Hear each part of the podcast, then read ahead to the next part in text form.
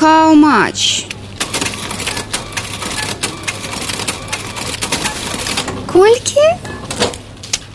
Прывітанне з вами рубрика хау-матч у якой мы гаворым пра асноўныя эканамічныя вынікі тыдня сёння мы паговорым пра тое чым і як беларускія ўлады спрабуюць завабіць інвестараў і як беларуская эканоміка згубіла 15 гадоў Але спачатку рубрика па матывах нашай праграмы. Літаральна ў мінулым выпуску мы казалі, што ўлады чарговы раз узяліся вырашаць традыцыйную штогадовую праблему, як накарміць людзей у вёсках на новы год. Таму што галоўны кармілец белкапсаюз з рашэннем гэтай задачы не спраўляецца. Прычым сёлета ўсё стало горш, чым звычайна, Таму што ўлады адмянілі льготы і прэферэнцыі для гандлю ў вёсцы, якія дзейнічалі 5 гадоў. Праблема, як накарміць народ стала яшчэ больш актуальнай. Але рашэнне ёсць. Про яго распавяла наместница министра гандлю Нина Емельянова. Мы хотим продвиг, возобновить да? с 1 января 2024 года определенные преференции для осуществления торговли на селе. Ну то бок спачатку адмяніць, а пасля узнавіць і выдаць за рашэнне праблемы, каб пасля ўзнаўлення ўсе зразумелі, як добра жыць у Беларусі. А тое, што без пэўных прэферэнцыяў гандаль на вёсцы не працуе, гэта нічога. З гэтым яны будуць разбірацца ўжо ў наступным снежні. Добра, што ўлады ўсё ж такі умеюць вучыцца на сваіх памылках. Сумна, што на адных і тых жа памылках ім даводзіцца вучыцца зноў і зноў. У чацвер палата прадстаўнікоў прыняла змены ў закон аб інвестыцыях гэты закон абяцае будучым інвестарам шмат усяго добрага. Як упэўнены кіраўнік палаты прадстаўнікоў владимир андрейченко гэта менавіта тое чаго інвесторам не хапала. Законопроект который мы приняли сейчас в первом чтении это очень важный законопроект. Его ожидают сегодня как субъекты хозяйствования так и регионы. Інвесторам абяцаюць вызваленне от падатку на прыбытак на працягу 5 гадоў дзяржаўная кампенсацыя звязаная со стварэннем аб'ектаў інфраструктуры гаранты дзяржаўных закупак і магчымасць прадастаўлення льготных дзяржаў дзяржаўных пазыкаў а таксама пяцігадовую гарантыю абароны ад неспрыяльных зменаў падатковага заканадаўства бо грандыёзныя планы наших чыноўнікаў на наступны год не вельмі супадаюць з іх магчымасцямі. Прасцей кажучы грошай не хапае. Авалавы ўнутраны прадукт сам сабе не вырасць а ў доўг не дае ўжо нават брацкая Росія а зарабіць сваіх грошай столькі сколькі патрэбна не атрымоўваецца нягледзячы на ўсе дасягненні дзяржаўнай эканамічнай палітыкі Таму застаецца толькі паабяцаць інвестарам шмат усяго добрага. У разліку, што яны пабягуць са сваімі грашыма да беларускага ўраду.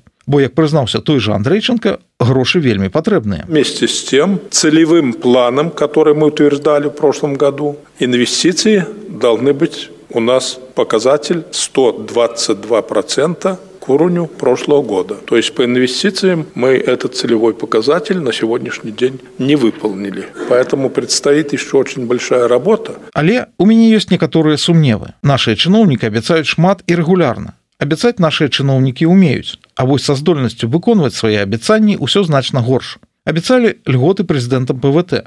Дали железобетонные гарантии на самом высоком уровне.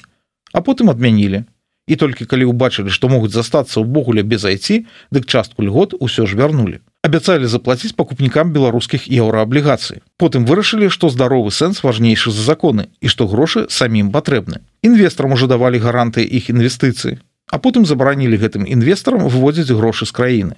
І шмат шмат іншага. Нашы ўлады парушылі ўжо столькі сваіх абяцанняў, што іх абяцанні дэвалюваліся мацней, чым беларускі рубель за апошнія 30 гадоў.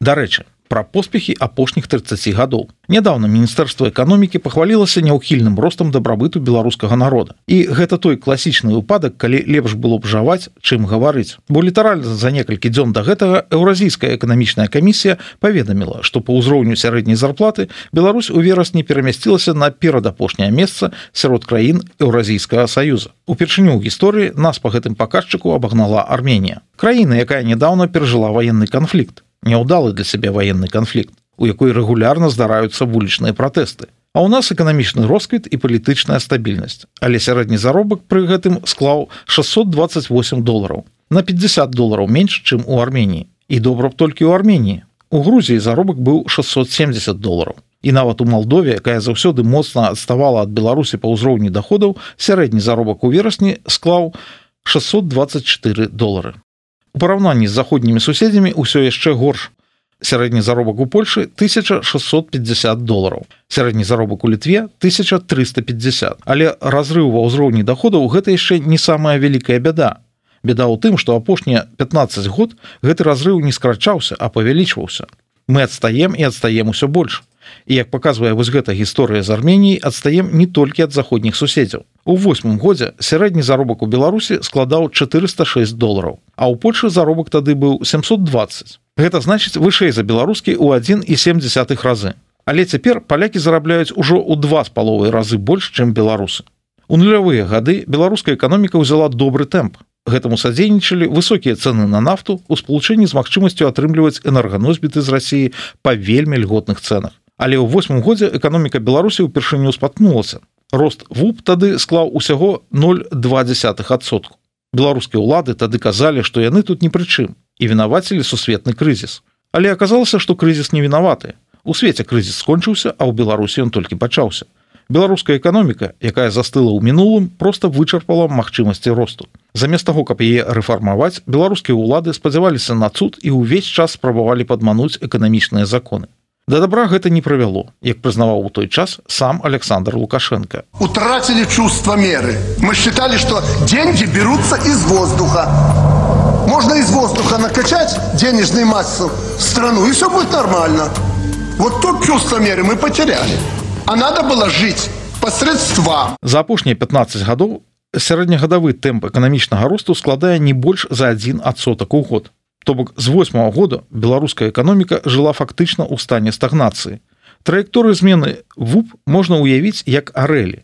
Перыяд росту змяняецца стагнацыі потым падзенне потым рост потым зноў падзенне. А нашыя суседзі ў гэты час раслі. За апошнія 10 гадоў сярэднегадавы тэмп росту эканомікі польльшчы складаў чатыры з паловай адсотка літвы тры з паловай і вось шляхам нескладанай арыфметычнай аперацыі можна падлічыць наколькі мы адсталі за гэтыя 10 а ўжо нават і 15 гадоў.